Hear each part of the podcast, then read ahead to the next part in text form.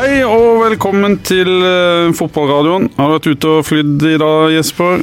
Nei, det har jeg ikke. Jeg har vært hjemme Jeg har vært hjemme et par dager nå, og så blir det full fart igjen til uka. Da er det jo Rosenborg som skal spille mot Lask Lins på torsdag. Og Vi skal da ta charter med Rosenborg. Det vil si at vi drar eh, tidlig onsdag morgen, kommer hjem seint fredag kveld.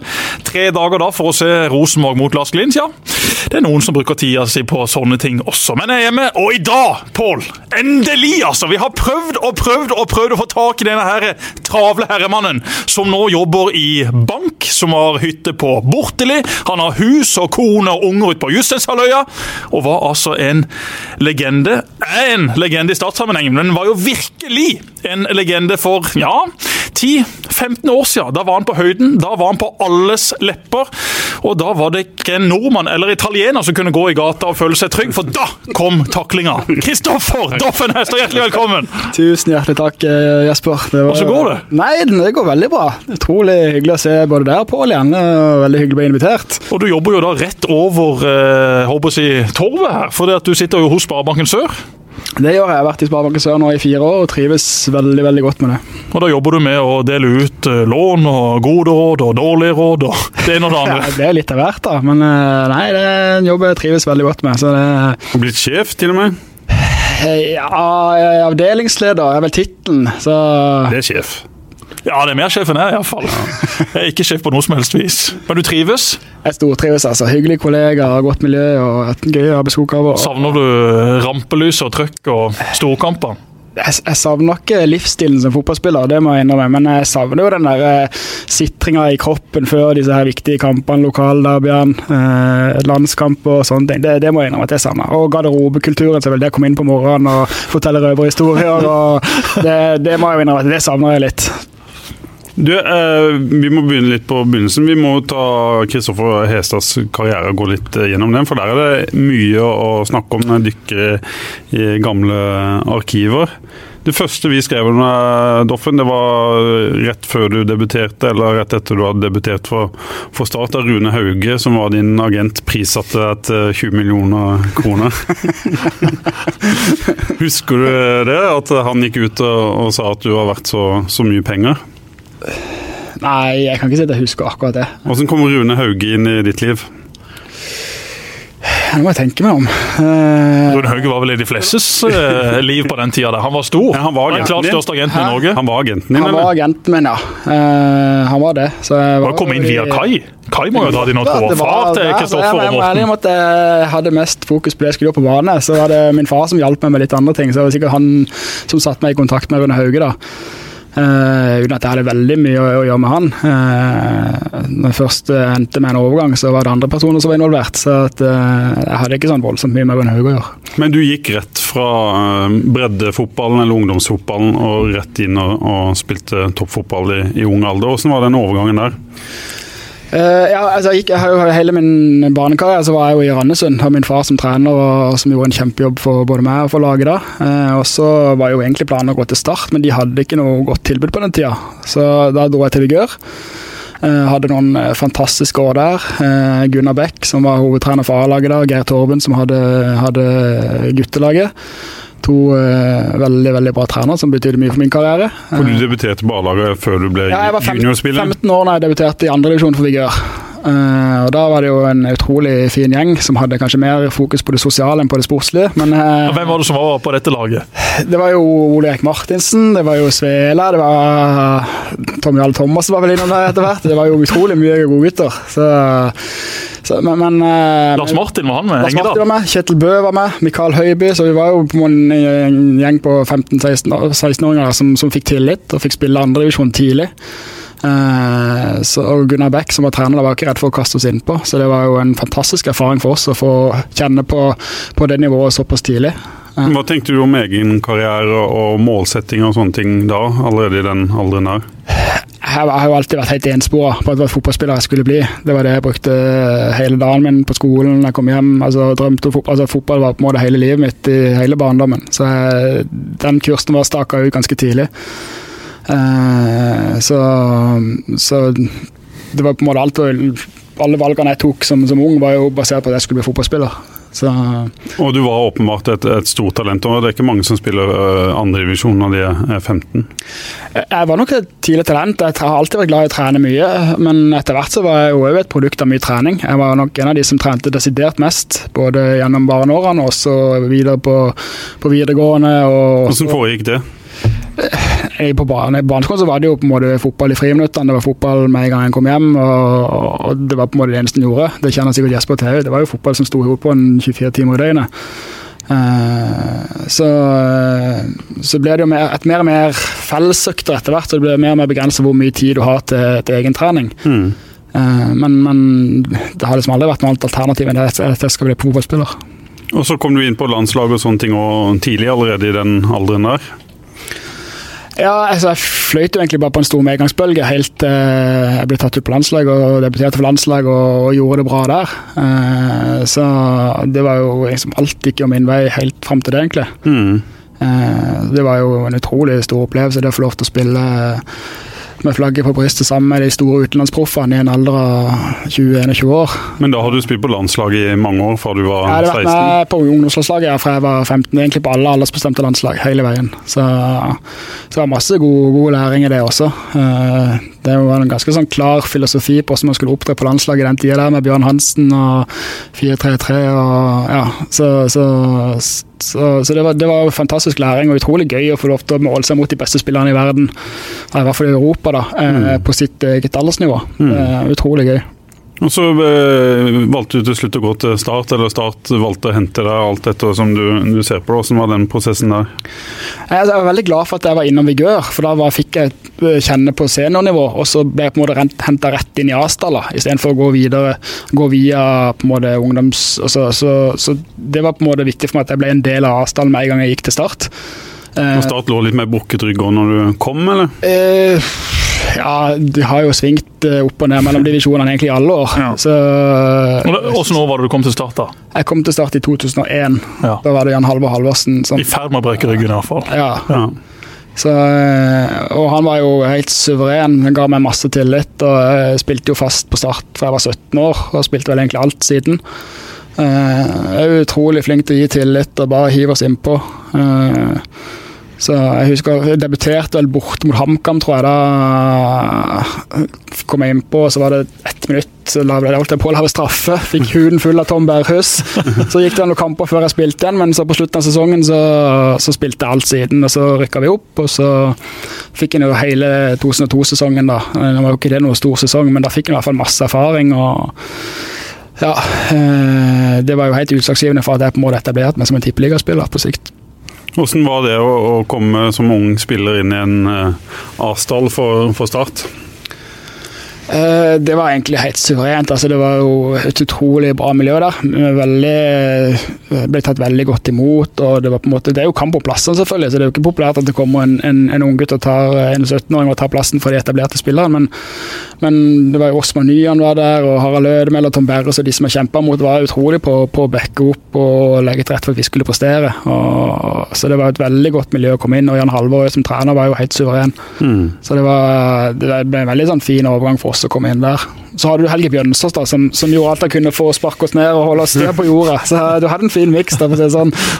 Nå er det første gang du liksom husker at du hørte om han eller så han?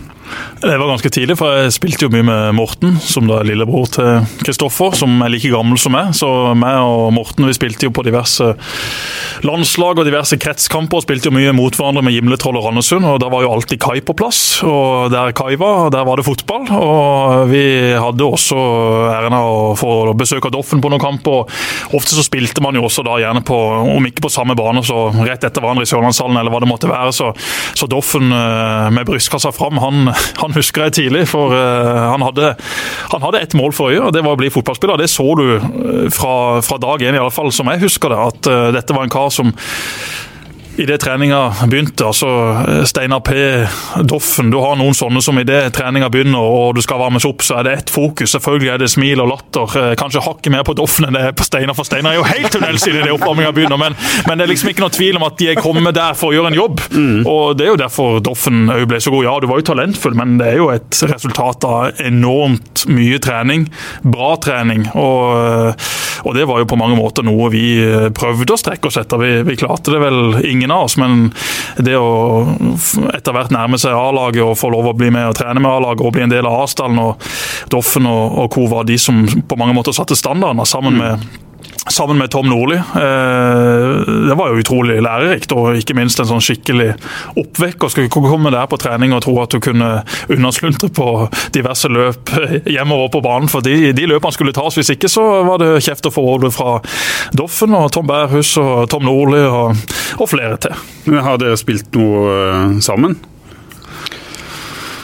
Mye på trening. Vi har et par hundre treninger sammen. Så vi har jo trent ekstremt mye sammen. Fire mot fire, fem mot fem. Eh, hatt mye interessante dueller der. Eh, men at vi har spilt så mange kamper sammen, det, det har vi vel ikke. Hvordan husker du han da, Kristoffer? Han var jo en sånn, sammen med min lillebror en sånn liten jypling som kom opp når vi var etablerte. Eh, men han hadde jo et, et vanvittig talent. En enorm fysikk og en utrolig venstrebein. Og så hadde han på en måte han hadde den rette holdninga. Altså sånn du, du må se på noen som faller litt. Han turte å stå imot guttene og turte å svare Tom litt av og til, selv om han på en måte var ung og du så at det var, det var noe ekstra der. Det er jo noe som har noen sånne X-faktorer som gjør at du sier at her er det noe som gjør at du kan bli, bli tippeligaspiller. Uh, men, men, i forhold til det med, med innstilling til trening, det, det gjør nok at jeg forkorter karrieren min litt. da. Altså, Jeg, jeg la jo opp veldig tidlig pga. Mm. det som ble nevnt her i forhold til det med at jeg, jeg skulle trene for enhver pris. Uh, trente du feil, eller trente du for mye? Uh, eller? Ja, Jeg hadde jo ikke gjort det samme i dag. Nei. hadde jeg sett tilbake og sett. Altså, jeg, du må ikke gå på hver trening. altså Du må ikke spille hver kamp på enhver pris. Det var jo på en måte bare å få inn smertestillende, få inn sprøyter så jeg ikke kunne kjenne beina omtrent. Og det var litt seinere i karrieren? og ja, det var jo egentlig 2004 og 2005? Det var egentlig det. Det starta sikkert allerede der med Tom, når vi trente. Altså, jeg tror ikke du starta før det også? altså På sukkervann på ei dårlig kunstgressmatte, på Hellemyr på ei dårlig kunstgressmatte? Det kan godt være det, altså. altså selv om ikke du håper jeg, er to meter høy, så har du alltid vært kraftfull og kraftig i ja. måten din å spille på. Så det har jo kosta krefter for knær og ankler og hofter ja, og rygg tror å spille på den altså, måten. Den vekslinga hele tida med kunstgress, gress, grus. altså Det var jo på en måte Du bytta mye underlag. Eh, det tror jeg heller ikke er veldig gunstig. Når vi begynner å bli kunnskapsbanen ble veldig veldig mye bedre enn det de var når vi vokste opp. Nei, ikke Kristiansand. Der er de Nei, Hva ville du gjort annerledes da? Annen, litt annen type trening og ikke så mye ja, fotball? Ja, det tror jeg. Og så tror jeg faktisk når jeg ser tilbake, jeg hadde nok kanskje ikke satt de sprøytene for å spille de kampene. Eh, heller stått over og så blitt klar, 100% klar før han spilte. Eh, så, så hadde jeg nok sikkert klart å forlenge karrieren med noen år. Så. Jeg tror du også har noe å si at uh, du, du nevnte jo akkurat at du begynte å spille A-lagsfotball allerede som 15-åring at en har en eh, periode på 15 år. Da, og at eh, den eh, karrieren forkortes hvis du begynner for tidlig med, med A-lagsfotball? Det har vi snakka litt om tidligere. Jeg tror det er veldig bevist at hvis du begynner tidlig, så Wayne Rooney-effekten? Ja, det er vel noe sånn. Altså, jo, det er mulig å ta bedre vare på kroppen sin enn det han har gjort. Ja, ja. ja men ja, selvfølgelig. Jeg har ikke vært god nok til å ta vare på kropp altså, i forhold til restitusjon. den biten der. Jeg tenkte at uh, ondt for å drive vondt. Altså, du, mm. du du må bare trene uansett, og så er det bare å sette sprøyte, så kjenner du ikke. Ok, da, da kan du spille. Så, så, det hadde jeg jo ikke gjort i dag, altså når jeg ser tilbake på det. Eh, så, Når var det du begynte å få problemer? Eh, jeg fikk jeg opererte jo lyskene etter den 2005-sesongen. Det har jeg egentlig slitt litt med siden. Eh, jeg har måttet operere det enda en gang seinere. Eh, jeg trøbla litt med en ankel, så måtte sette inn en skrue. Eh, nå har jeg jo just hatt en kneoperasjon, så det er litt så skranter litt, da. Men sånn i hverdagen så fungerer det bra. Jeg kan, eh, kan ut og løpe med en tur, jeg kan gå på ski og, og følge opp ungene, så at, jeg skal egentlig ikke klage. Vi må jo snakke om det som skjedde når Tom Nordli kom inn. Dere var jo i stad begge to da. Var det det som løfta din karriere, at han faktisk kom til, til start? Eh, Tom Nordli skal jo ha mye av æren, ikke bare for min del, men for at Start eh, ble det de ble under, han, under hans periode. Eh, han var veldig tydelig på rollene, og jeg var veldig lojal. Flere av spillerne var veldig lojale i forhold til de rollene vi fikk, og utfylte de veldig bra. Vi passa veldig bra på en måte til det systemet som han hadde. Mm. Eh, og han, hadde veldig, han, var veldig heldig med timing, for han hadde ei spillergruppe som var på vei opp, som var veldig treningsvillig, veldig mottagelig for, uh, for den type fotball som han sto for. Mm. Uh, så også var han altså, altså, sånn faglig sett i forhold til det å, å, bygge lag, i forhold til formasjon, og tydelighet, der er han jo i særklasse, etter min mening. Mm. Eh, så, så, at han betydde mye for meg og, for Start, det er jo ikke noe tvil om.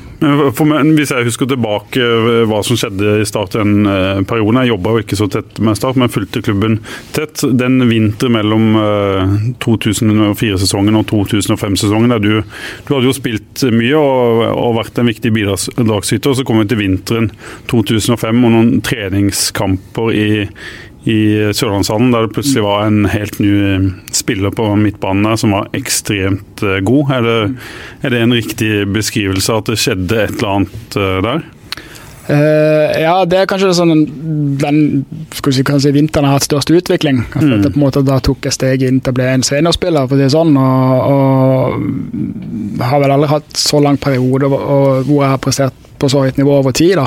Men det var noe med aggressivitet og bevegelse og hurtighet? Ja, og, og så var ble jo noe produkt av et lag. Det var jo ikke bare meg som løp, det var Fred, du hadde Fredrik, ikke sant? og du mm. hadde jo uh, et helt lag som var ekstremt godt trent. Uh, og så uh, hadde sikkert en spillestil som kanskje ble ekstra lagt merke til, for at jeg vant mye baller og var mye oppe i situasjoner og, og, og sånn. Så, så jeg, jeg passa på en måte bra inn i den rollen i det laget. Mm. Så, så, så, vi hadde jo, vi hadde jo et veldig godt lag sånn, som spiller for spiller spille, så, så, var vi kanskje ikke blant de beste lagene, men både tydeligheten i rollene og spillertypene i de ulike posisjonene passer veldig bra. Var veldig bra satt sammen. Så tok det helt av Jesper den sesongen der. Ja, det tok jo helt av. og Doffen er jo en eh, beskjeden fyr, så, så, han liker ikke å snakke opp seg sjøl og sin egen rolle, men, men, Doffen var jo selve bildet på den fotballen Start spilte. Mm. Eh, du skåra mål, du vant baller, eh, du gikk foran i hver eneste kamp i duellspill og med løpskraft. og På løpstester så var ikke du den som vant løpstestene, men i kamp så var du den som i alle fall løp mest når det var riktigst å løpe mest. Det finnes jo noen spillere som bare løper for å, å løpe, og det gjorde du også enkelte ganger når du skulle ta disse 70-metersløpene han opp for å sette press på keeper, som igjen bare skulle slå ballen langt. Ikke så ille som Roger Risotto, som sparte seg til de siste 15 minuttene. Så og så var det full spurt, bare for å vise at han var godt trent. Nei, men, men sånn, Poenget er iallfall at uh, jeg tror nok aldri det der hadde, hadde, skjedd hvis ikke det var for Tom Nordli. For utrolig mange, nesten samtlige spillere pika jo sitt nivå i den 2005-sesongen. Det var jo liksom perfekt match med de spillerne som var tilgjengelige. Doffen og co. som var unge, tok til seg all mulig læring. var ekstremt lojale. Mm. Og så hadde du da Tom som, som kom med sitt tankesett og sin idé. og det, det, ble jo rett og slett en, en, fest. Det var jo et eventyr å se Start spille fotball. Snakker med masse folk rundt om i fotball-Norge som liksom husker et par årganger fra forskjellige lag. De snakker om Stabæk med Lanzinho, de snakker mm. om Start med, mm. med Tom. Eh, og så er det noe Rosenborg-lag osv. Men, men de spilte jo en fotball som alle ble forelska i. Om du hadde Lillestrøm som ditt lag nummer én, så var det Start som var lag nummer to. Altså, sånn var det for alle rundt om i Fotball-Norge. fordi at man bøy på seg sjøl, eh, både på og utafor banen. Og de signeringene også som ble gjort fra fire til fem med Alex Valencia som kom inn og, og, og kom med litt X-faktor inn i det laget som det kanskje hadde mangla hvis det virkelig skulle blomstre. Det var jo egentlig ikke profilerte spillere. Nei, altså, Han kom jo som et vrakgods fra, fra, Bergen og Brann. Det var ingen som hadde troa på han der oppe. Kom ned til Kristiansand og Sørlandshallen. Stefan Berlin fra første divisjon i Sverige. 800, 800 000, var det ikke det han tjente? Det var den best betalte spilleren på den tida. Mm. Uh, og Det sier jo også litt om at uh, det var jo et, et lønnsnivå i klubben som, som, ikke var i nærheten av å være der de eh, største lagene i Norge lå. Og så ble du allemannseie, Kristoffer. Hvordan var det? Hvor galt var det? det nei, det var jo mye. Altså, og jeg syns det var kjempegøy i starten. Ja. Uh, med masse oppmerksomhet, ikke sant. Og, og, det var gøy å kjenne på det. Men, men, det gikk jo ikke så veldig lang tid før han fikk helt nok av det. Uh, og jeg er jo sånn sett i en sånn person som er veldig glad i sånn type oppmerksomhet. Hvis jeg kan stå litt i bakgrunnen, så gjør jeg helst det. Uh, så det har jo nok gjort at jeg er blitt mye mer sånn reservert i ettertid. Uh, ikke sånn kjempeglad i å gå i store forsamlinger og mingling og sånn. Det, det er ikke du heller veldig glad i, Jesper. men, men, men, det har nok prega meg litt sånn i ettertid. Jeg, er det fordi du var brent eller fordi du fikk Nei, jeg har på ingen måte brent meg, men, jeg, men det ble liksom på en måte Og jeg er, sånn, jeg er jo egentlig et ja-menneske. Jeg liker å stille opp på ting og liker å si ja til ting, men, men når, ikke sant, når sponsoren skal ha ting i den tida der, så spør de de mest profilerte hver gang. Mm. Når du da sier ja til alt, så blir det jo ekstremt mye. Og så merker du det på kroppen, da?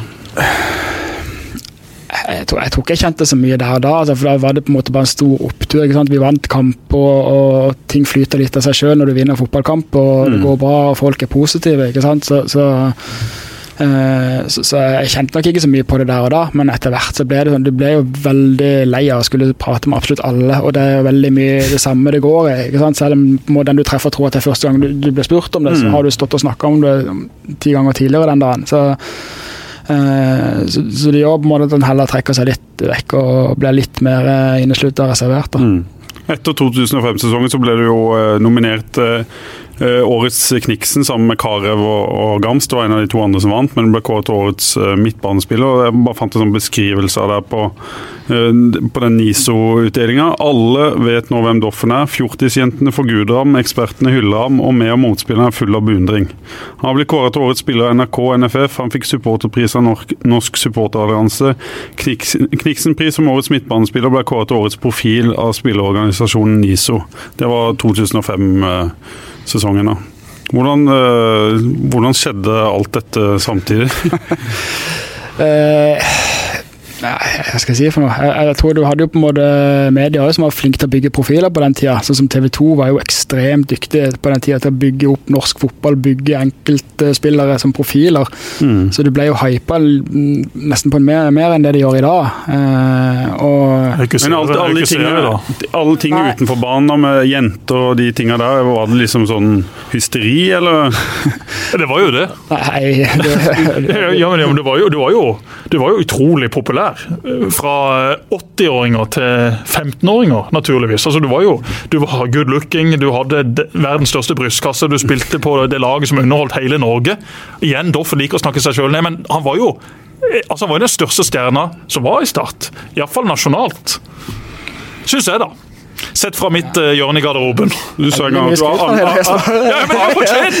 du angra på at du stilte opp i bar overkropp i Se og Hør en eh, gang. Et intervju med oss for mange år siden. Det var litt sånne ting som du ikke skulle gjort? eller? Ja, ja det er mye sånne ting jeg ikke hadde gjort. Men når du er eh, ung og du får beskjed av klubben om at det her er viktig for sponsoren å stille opp, og så har du på en måte kanskje ikke den pondusen der til å si nei. Hadde jeg vært 30 år og blitt spurt om å stille opp med makrellslips, så hadde jeg jo ikke gjort det. Men sånn er jo livet. altså Du kan jo spørre hvem som helst som har bikka 30-40 år. Er det noe du ville endra på for ti år siden? Ja, selvfølgelig. Sammen med de sprøytene i stad. Ja, hvis du skal liksom sitte her nå og tenke nei, vet du hva, hvorfor tok jeg de sprøytene? Men så kan du tenke tilbake da, da du satt der og var 23 år, skulle spille kamp for 10 15 000 tilskuere. Det var jo selvfølgelig ikke aktuelt å ikke sette den sprøyta. Sammen med hvis jeg nå måtte legge opp, kunne tatt noen sprøyter.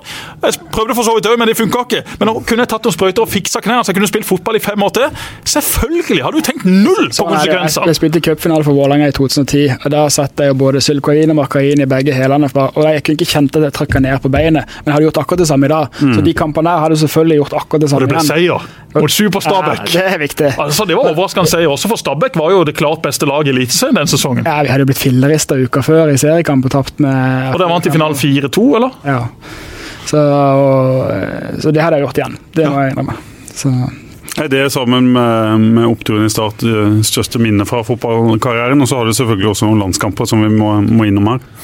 Ja, altså Cupgull er jo selvfølgelig stort. Cupgull med Vålerenga på Ullevål det, det, er jo et av høydepunktene, selvfølgelig. Eh, mm. Eh, så hadde det kanskje vært enda større å klare å ta et cupgull med Start. Mm. Eh, men, men eh, det er 2005-sesongen, selvfølgelig debuten mot uh, Italia. Eh, det er jo sånn som, som henger igjen som kanskje de største øyeblikkene for meg. Så har han jo spilt i Premier League, det er det ikke mange nordmenn som har Nei, jeg har spilt mye på Premier League, men ikke så mye i Premier League. så det skal han ha. Og det var jo masse klubber som var etter det på den tida. Jeg husker jeg satt i Sørlandshallen eh, under ei trening, jeg var sikkert skala, men da var liksom ryktene på tribunen at det var russiske klubber som, som lå etter det og hadde tilbudt eh, rimelig mye russiske rubler for å komme bort dit og spille i Moskva. Jeg fikk jo et konkret tilbud fra Zenit, eh, men det, det var jo vel, det var vel i 2005 2005, tror jeg. Eh, da var jeg faktisk ganske, ganske ung. Jeg på en måte følte jeg var på vei opp. Eh, eh, det var jo sånn ser i dag, kan jeg tro det var snakk om syv millioner netto i året. Skulle få egen bo, og egen bil, egen kokk. Altså, men, men da var jo ikke på en måte St. Petersburg det det er i dag, for å si det sånn. Jeg var ikke trygg på å gjøre det da. Eh, Ja, Syv mil er jo heller ikke det det var den gang. Det er mye mer i dag. ja, så, så det hadde Men, men eh, Det var aldri aktuelt. Nei, for det var eneste som sto i hodet. Det var jo på en måte Premier League for meg. Det var på en måte det eneste ligaen jeg sånn nesten hadde hørt om. Det var der jeg ville, det var der jeg drømte om å spille. Eh, Å dra til Russland, det var på en måte Det var nesten før. Det var vel bare Panserhagen som hadde vært der omtrent tidligere. Eh, Så, så det, Men det mailen, altså, det fikk du, du fikk det et skriftlig tilbud, jeg fikk det fra i, men eh, ja, så det ligger i innboksen ennå. Er du ofte inne og kikker på det? liksom? Henger på veggen i stua. det, det er ikke noe sånn at jeg angrer på at jeg ikke hoppa på det. altså. Eh, Men hadde du flere mm, muligheter underveis her? Jeg hadde, det var jo veldig spesielt når jeg signerte for Wiggen. Eh, Jeg møtte jo Solea på flyplassen. Jeg visste ikke hvilken eh, klubb jeg skulle over og signere for. Eh, Han sa bare at jeg har et tilbud fra en engelsk klubb i Premier League. Eh, Du må møte meg der og der. Satt på flyet over, hvis det fortsatt ikke er hvem jeg skulle over og signere for. Er, er vi på vinteren eh, 2006 nå, eller? Ja, det, jeg var jo egentlig på, eh, på ferie i Thailand sammen med eh, min nåværende kone. eh, Og vi, vi plutselig ble ringt opp og sa at uh, vi skal over der når du er tilbake. Mm. Bare møte meg på, på Gardermoen sånn og sånn. Traff jeg Soler på Gardermoen, fløy over til, til Manchester. Landet, så begynte jeg å få litt forhåpninger der.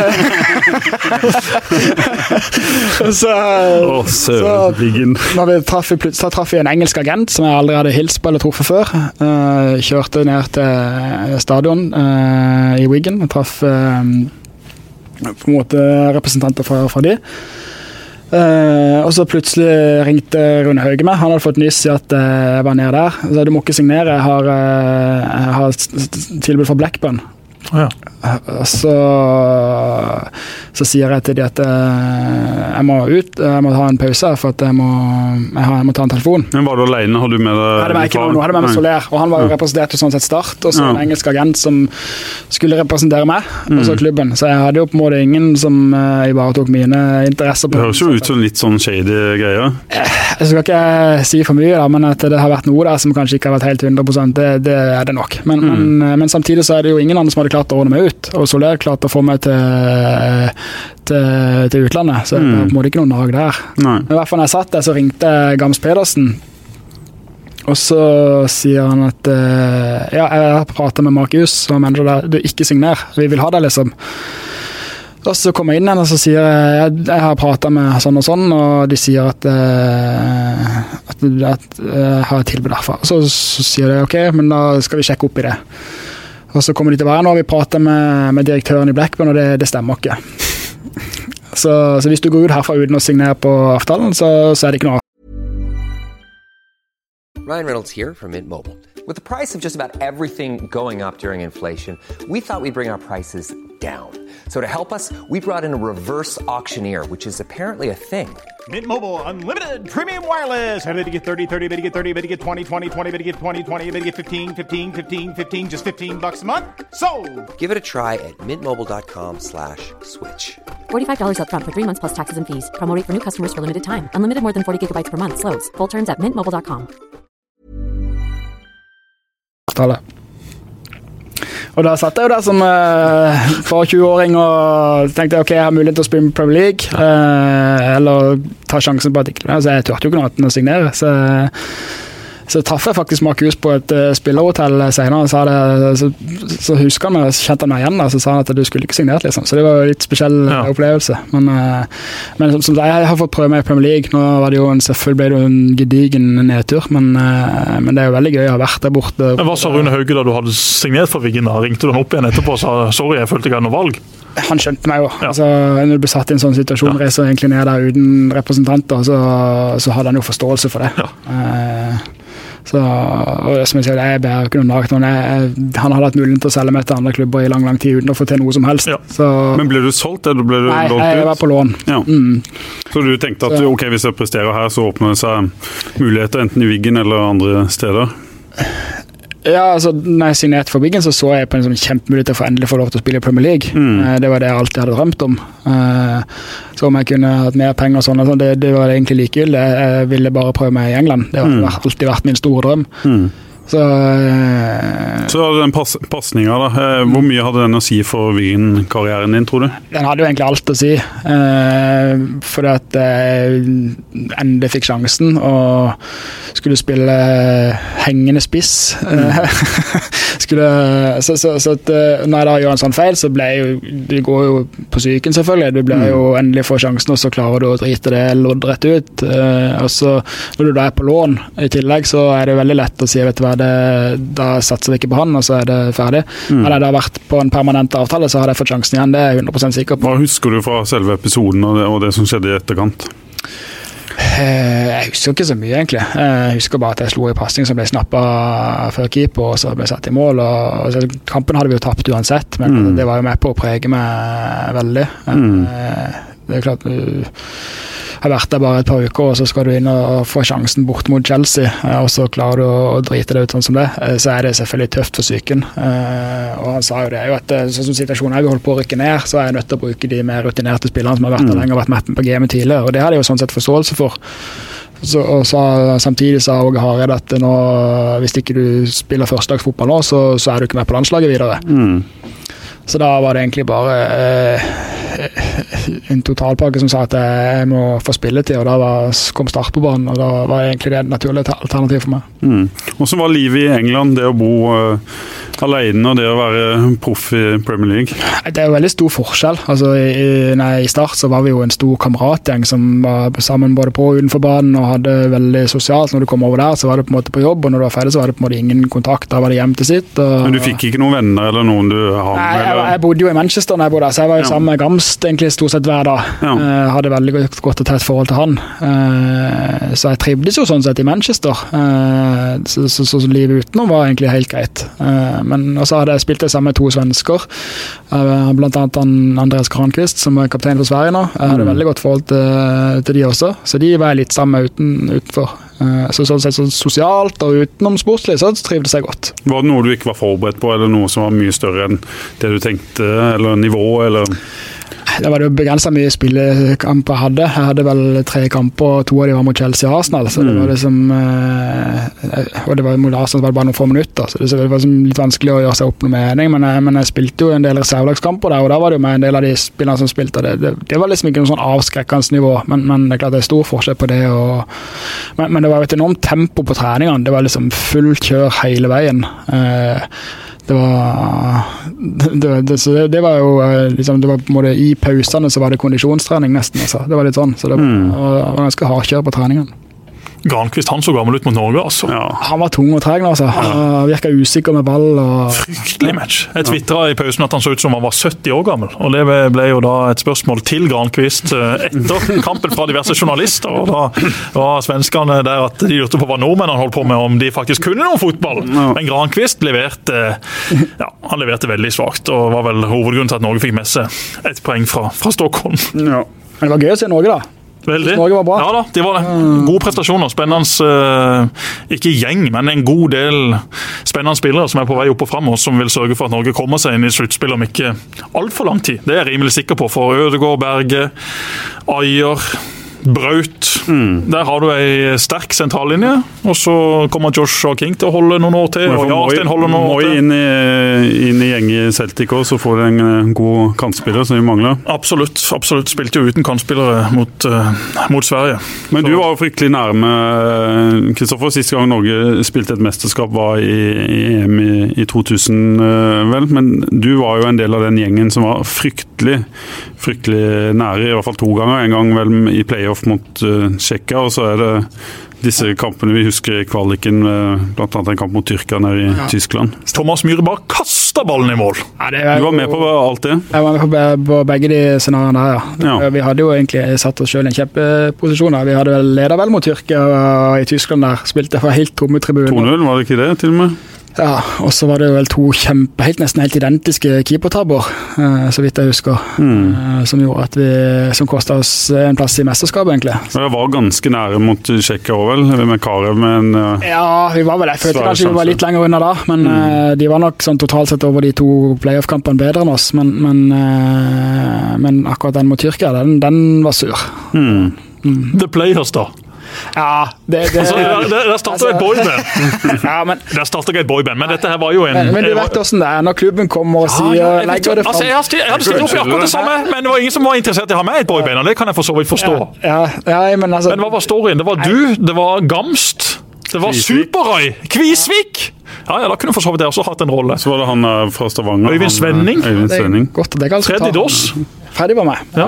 Nei, det var jo, jeg ble jo selvfølgelig spurt da igjen om å stille opp på, eh, på til veldedig sak. da. Jeg skulle, vi skulle spille inn en, eh, en musikkvideo. eh, Gamst i baris der på bassengkanten. Ja, ja, men så skulle alle pengene gå til veldedig formål. Og så eskalerte det jo selvfølgelig. ikke sant? Det ble jo eh, drøyere og drøyere ideer her. Momarken, var det ikke det der dere. Ble fløyet inn i helikopter! Tusenfryd. Ja, vi hadde flytt live- helikopter. liveopptreden, eh, eller Singback heter det kanskje.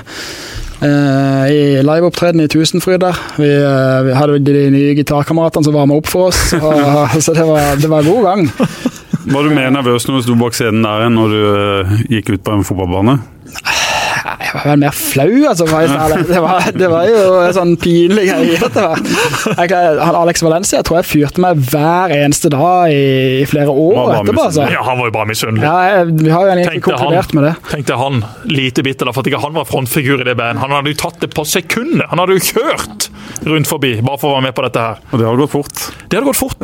Han er jo fortsatt den eneste i eh, denne verden som hoppa på Varebroa. Disse her er små tutunk, tutunk. Der hoppa jo Valencia. Han mente også at han brukte fra Justvik, ikke om Ålefjær, men eh, den vanlige veien da over Varebroa sånn, syv minutter. Fra Justvik til Kjevik, altså. En tur som jeg vil tippe tar ja, 20 minutter for en kar som ligger litt over fartsgrensa. Alex brukte syv. Han sladda i den der svingen rundt Meny og Albert Matsenter der, og hoppa på Varebroa. Så det gikk i ei helsikes fart. Han savner jeg faktisk i Kristiansand. Ja, jeg altså. savner Skikkelig Alex. god Det var utrolig gøy med Alex. Han hadde alltid noen gode historier på lag. Og hvis du hadde en historie, så skulle han alltid toppe den. Han hadde lasersyn! Han hadde lasersyn. Han kunne stå i en håndballhall og se rett gjennom draktene på alle damene for å se hva slags undertøy de hadde. Dette mente han helt seriøst. Han hadde så godt syn, altså! Kunne se gjennom alt og alle. Så mente han han hadde en nøkkel som passa til 80% av alle dører. Universalnøkkel. Det må du ikke lure på. Han, han savner vi litt. altså. Han gjør det. Han selger biler. Jeg tror det. Både han og Høie endte opp i bilbransjen. Ja. Hvem hadde trodd det? Hvem hadde Hvem hadde det? trodd det? Men Kristoffer, vi må snakke om, eh, litt om, eh, om det som etter hvert ble avslutning av, av karrieren nå, etter mange år i, i Vålerenga. Det ble jo litt bråk når du gikk herfra til, til Vålerenga. Hvordan var det å forlate eh, Start? Nei, det var jo selvfølgelig spesielt. Eh, Jeg hadde jo vel egentlig sånn sett eh, trodd og håpet at Start var den eneste klubben jeg skulle spille for her i Norge. Eh, De rykka ned. De rykka ned, og da var vel egentlig både jeg og klubben enige om at eh, det var på tide å se se om etter noe nytt. Uh, Soler var interessert i å få litt kroner inn i kassa. Eh, jeg var på en måte interessert i å spille på høyest mulig nivå. Mm. Uh, Vålerenga hadde ei storsatsing på gang som jeg syns virka veldig interessant. Uh, så uh, det var Ja, sånn sett jeg, hadde, jeg skulle gjerne dratt til utlandet, da, men jeg hadde ikke noe konkrete tilbud fra utlandet. da. Uh, og da var alternativet for meg å spille førstedivisjon. Det var jeg ikke interessert i på det tidspunktet jeg var i karrieren min. da. Så, Men da har du begynt å slite litt med kroppen også, eller? Eh, ja, det hadde jeg vel egentlig gjort siden 2000, etter 2005-sesongen. Så hadde jeg jo hangla litt etter de operasjonene som jeg hadde. Så, så når Vålerenga da kom på banen, så, så var det på en måte det beste alternativet jeg hadde sånn for min karriere. Mm. Hvordan var de åra i Oslo, hvis du skal oppsummere det? Eh, altså, det var jo litt trøblete første året. Jeg sleit litt med å komme i gang. Eh, spilte jo sammen med Martin Andresen på midten, hvor på det var lagt opp til at hver gang ballen var på den ene sida, så skulle jeg over på andre sida, så skulle han, han på den sida som hadde ballen. Så, så det var på en måte ikke noe som passa meg veldig bra. Eh, etter hvert så, så fant jeg meg mer og mer til rette. Eh, eh, tok cupgull. Eh, etter hvert ble nummer to i serien i 2010. Eh, da var jeg kaptein og, og hadde vel jeg synes, Eller egentlig jeg spilte nesten like bra den sesongen der som jeg gjorde i 2005. Mm. Eh, Tilbake på landslaget igjen også. ja, kom tilbake på landslaget, og så, så, så totalt sett så, så var det en utrolig gøy opplevelse å spille for Vålerenga. Det er jo på en måte litt, altså, litt annet trøkk der inne òg. Du har på en måte både lokalmedier, men også Riks, altså VG er tett på, Dagbladet er tett på. Du har en, en supporterskare som er ganske svær, og som er ganske Du, du får høre det, så hvis ikke det på en måte leveres. Og, så så det, er- det, er- det, er, det gøy å spille i Vålerenga. Det, det er det. Så Men de som sier at eh, de på en måte hadde forventa mer av din karriere etter det Ja. du gjorde i, i 2005, det er jo ganske mange av den 2005-generasjonen i start der, Ja. der en kanskje forventer mer, at han utvikla seg videre eller ble, ble bedre. Ja. Um, er du enig i at, eh, at eh, Eller forventa du mer av din egen karriere enn det du fikk ut av den? Ja, det gjorde jeg nok. Eh, Jeg hadde vel håpet at jeg skulle på en måte komme til utlandet og klare å etablere meg og, og få en del mer år eh, som utenlandsproff enn det jeg gjorde. Eh, nå var jo på en måte det som skjedde i Wiggen med på å prege mye av min, mitt utenlandsopphold. Mm. Og så klarte jeg på en måte Det var jo planen da jeg gikk til Vålerenga òg, å kanskje ta ett til to år der, på en måte å komme opp på nivå igjen, og så videre ut. Mm. Men, men så klarte jeg på en måte alle kanskje å komme opp på det nivået som ble satt tilbake av nye skader hele veien. Eh, så så var, jeg er jo litt skuffa over at jeg ikke på en måte klarte å komme ut den, og klarte å komme opp på et nivå som gjorde at jeg kunne klare å, komme til utlandet. Eh, det må jeg jo innrømme. At eh, jeg skulle gjerne sett at jeg hadde klart å få opplevd mer i utlandet enn det, jeg gjorde. Og så ble det en avslutning i Vålerenga som som, eh, der du ikke fikk gått ut eh, kontrakten din, ble kjøpt, eh, kjøpt ut før den var, var ferdig. Hva, hva tenker du om avslutninga di i klubben? Jeg er litt sånn todelt. Jeg har jo et utrolig godt forhold til, til Alta Support og til klubben i Vålerenga. Fikk en veldig på en måte bra standing der. Men det var jo på en måte eh, egentlig én person som prøvde å skvise meg ut, og det var Kjetil Rekdal. Eh, Så måten det ble gjort på, det syns jeg ikke noe om. Eh, Det var utrolig feigt og falskt. Eh, det var på en måte et forsøk på å presse ut en spiller som egentlig Du følte deg god nok? Nei, jeg er kanskje ikke god nok. og jeg, jeg, jeg har på en måte forståelse for det, for hadde jeg god lønn, uh, og så var jeg mye skada, kanskje ikke presterte ikke på det nivået som, som forventa. Så, så sånn sett så har jeg forståelse, men, men det burde vært åpna en dialog istedenfor. Mm. Istedenfor på en måte bare komme til meg og si at vi er veldig fornøyd med det, du presterer bra, sånn og sånn, og så gå til andre for å si noe annet. Mm. Det, for meg så er det helt uaktuelt å holde på sånn. Da kan du heller være mann nok til å komme og si det face to face. vet du hva, Sånn som det er nå, så har du for god lønn.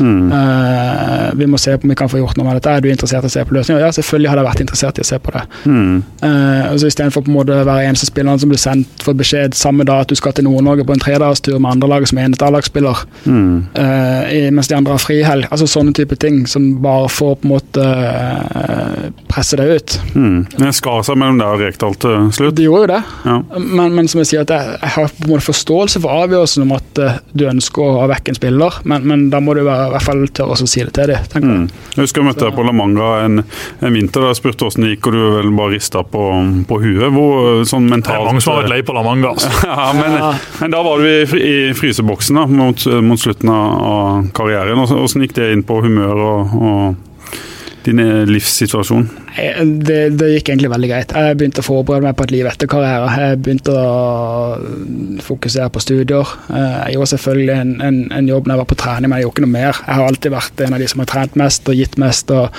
men, men eh, på en måte når du føler deg urettferdig behandla, så, så ble dette at du blir ikke likegyldig, kanskje, men, men du, du legger ikke like mye, i mye i det som, som jeg burde. Mm. Så jeg var egentlig mer på å planlegge livet etter karriere allerede da, når jeg skjønte hvor det bar. Og jeg så på min på en måte skadehistorikk og kroppen min, hvordan den fungerte. Så, så jeg var ikke noe sånn humørmessig, så, så var det ikke noe problem. Og, og, og jeg syntes det var gøy å gå på trening, og jeg trivdes på trening, men, men jeg så på en måte hvor det bar, for å si det sånn. Og Så flytta du fra familien og ned eh, hit, stemmer ikke det? Og var nær et eh, comeback i, i start i, i etterkant av dette? Ja, jeg var vel egentlig aldri nær et comeback i start. For at jeg følte at hvis jeg skulle ned til start, så måtte det vært for at jeg følte at jeg hadde noe å komme med. Eh, og sånn som jeg var da, eh, kroppslig og Men Trente du med Start, eller trente du på egen hånd? Eller det var mellom to sesonger dette, eller? Nei, det var i jeg ga meg jo midt i sesongen. Ja. 2014 så ble jeg enig med Vålerenga, eller egentlig meg som tok initiativet til å lage ei sluttpakke Mm. som, eh, som begge parter kunne være, leve med. Mm. Eh, så når vi hadde blitt enige om det, så flytta, flytta jeg ned her. Eh, kona måtte gjøre seg ferdig med litt jobb og sånn inne i Oslo. Og så eh, pratet jeg med Mjelde, som ville at jeg skulle komme og trene med. Og, og, men men da, da sa jeg vel egentlig bare til dem at, eh, at jeg, jeg føler ikke at jeg, jeg har ikke noe på en måte et nivå nå som gjør at uh, verken jeg eller dere er tjent med at det blir noe videre. Da har du vondt i overalt. Ja, jeg hadde egentlig det. Og jeg, jeg hadde ikke lyst til å tyne ut ett til to år til i start uh, for å bare presse ut et par ekstra år karriere, hvis ikke jeg følte at jeg hadde kunne være med på å heve det laget der og da. Husker du var på, på trening der, og ikke trente, men du satt på benken. og Hadde jo lyst til å få med Doffen igjen. Ja. Det var jo stort det hvis han hadde kommet seg tilbake, men det viser jo også at eh, det er en oppegående fyr som ikke bare hadde tatt en kontrakt, for den kontrakten hadde, hadde du enkelt fått. Hadde du sagt til start at jeg føler meg grei og jeg er klar for å, for å bruke en-to måneder på å trene meg opp, men når du ikke kan stå inne for det, så, så er jo det prisverdig å, Men å faktisk har, si det. det er jo noen likheter mellom dere to. Det at uh, Du ga deg jo lenge før du ble 30, Jesper, og du ga deg når du var, var 30. Hva er råd til, til unge fotballspillere der ute, med, med tanke på det dere har opplevd? Det må jo være å, å sørge for at kroppen er skikka til å tåle den treninga og den kampbelastninga som venter. At man er flink til å trene også alternative ting i ung alder. Det har jeg sagt mange ganger og kommer til å si det mange ganger til, sånn at folk får det med seg. Eh, der var jeg altfor dårlig, eh, og mye dårligere enn det, enn det Doffen sikkert var. For Doffen var jo en eh, Du var jo maskin, altså sånn fysisk. Du var jo tett og kompakt bygd. Jeg var jo som en stige, en sånn hengslete en som ikke står fast. Og da måtte det jo på mange måter gå galt. Og så er det jo å ta litt skole underveis i karrieren, for det har man fint muligheten til. Doffen uh, utdanna innenfor økonomi og jobber i dag i bank. Jeg har tatt masse utdannelser som ikke jeg bruker, men jeg har nå i hvert fall tatt noe utdannelse. Så det å liksom tenke på at ok, det livet etter karrieren det kan komme fortere enn eh, du aner. Nå må du snart gå, Doffen. Du skal i møte klokka To. Klokka to? Ja, ja, men det går fint. Da har vi fem minutter igjen! Fem minutter igjen. Uh, ja, så Det er nå iallfall mine råd. Uh, sørg for at du er så godt skikka som mulig til karrieren, men også da til det livet etter karrieren. Se bare på Espen Fjone Børvsen nå, som eh, sliter veldig med en skade, og som jeg håper kommer tilbake. Men det er jo aldri noe man vet. Han har heldigvis begynt å ta utdanning og er på god vei der, og han da etter karrieren kan få seg en jobb. For når lyset først slukkes, hvis du ikke har noe å gå til, da kan det virkelig bli tungt. Ja, ok, du elsker ikke all den oppmerksomheten som var rundt deg som spiller og person, men samtidig, hvis du da hadde sittet der etter karrieren og ikke hadde hatt noen som prata om det til deg, og du ikke hadde et arbeidssted å gå til, det måtte jo vært ekstremt tungt, så du må jo for alt i verden unngå det. Ja, absolutt. Jeg angrer egentlig litt på at jeg ikke starta enda tidligere. For nå, nå begynte nå endte det med at jeg tok det på fulltid ved siden av fotballen. Så det var på en måte å, å stå opp med en unge sånn i 5-60 så hun skulle få noen timer søvn før jeg gikk. Og så var det treninger fra 8 til 2-3-tida, og så var det skole fra 3 til 10 til 3 3 til 11. Så, så du, du sliter deg ut på det. Kan du heller ta det over litt flere år, begynne med et par fag ikke sant, og komme i gang tidlig, så det, jeg synes nesten det er noe som klubbene bør legge til rette for. Altså, for å prøve å få folk i gang med litt studier på si, istedenfor å gå hjem og spille PlayStation eller, eller hva du holder på med. Og du tok det sammen med Morten? Jeg det? det sammen med min bror, ja. ja. Vi begynte samtidig. Det, det virker som du trives godt i det sivile livet, og at få eh, problemer, i hvert fall eh, sånn jeg kjenner deg, med å omstille det livet fra eh, fotballspiller til det sivile liv. da. Var, var det overhodet noen utfordring for deg? Egentlig ikke. For som jeg sier, De siste to-tre årene så, så, så var det så ekstremt mye. Jeg ble pappa, jeg hadde mye med unger, unger som ikke sov. Jeg hadde fulgt med fotballen fortsatt, jeg hadde fulgt studiet. Så at når jeg da la opp, så hadde jeg egentlig kun fokus på, på, på jobb. Så det var egentlig nesten bare sånn befrielse. Jeg føler at åh, endelig får jeg gått 100% inn for én ting, istedenfor på en måte skulle være alle steder.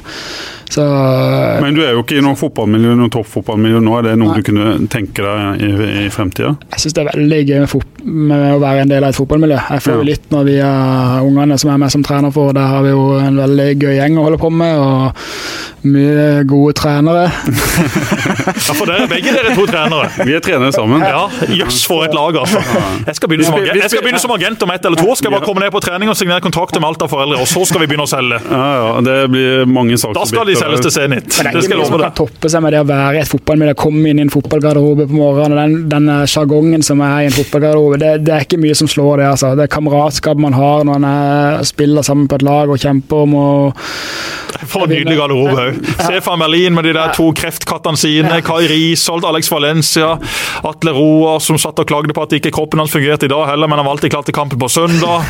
Altså, Det var en nydelig tid, altså. Det var det. Eh, Så, så, så, så spørsmålet er, Jeg kunne gjerne tenkt meg å, med å, å jobbe innen fotball en gang, men, men akkurat nå så har jeg det litt for greit der jeg jobber i dag. Du var også litt innom og jobba i, i Start, var det ikke det? Du, jeg var med bare skulle prøve å bidra litt i markedsavdelinga mens jeg studerte ferdig. Ja. Jeg egentlig bare jobba gratis bare for å prøve å bidra litt eh, til å få inn noen kroner. Eh, Og så går det med Hoff.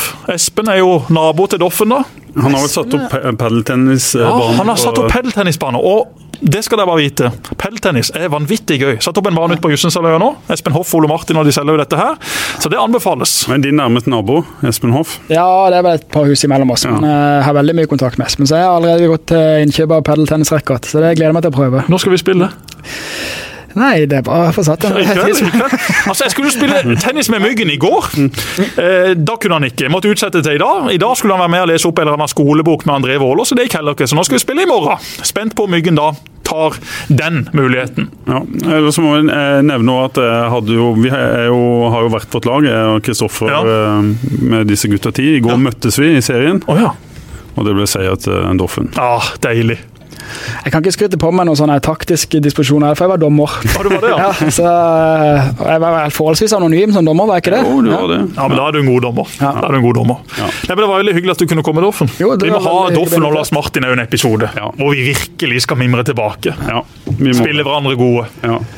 Lykke til i møtet. Takk for det. Er det ny kunde? Er det eksisterende kunder? kunde? Nei, nå skal vi eh, Skal vi se.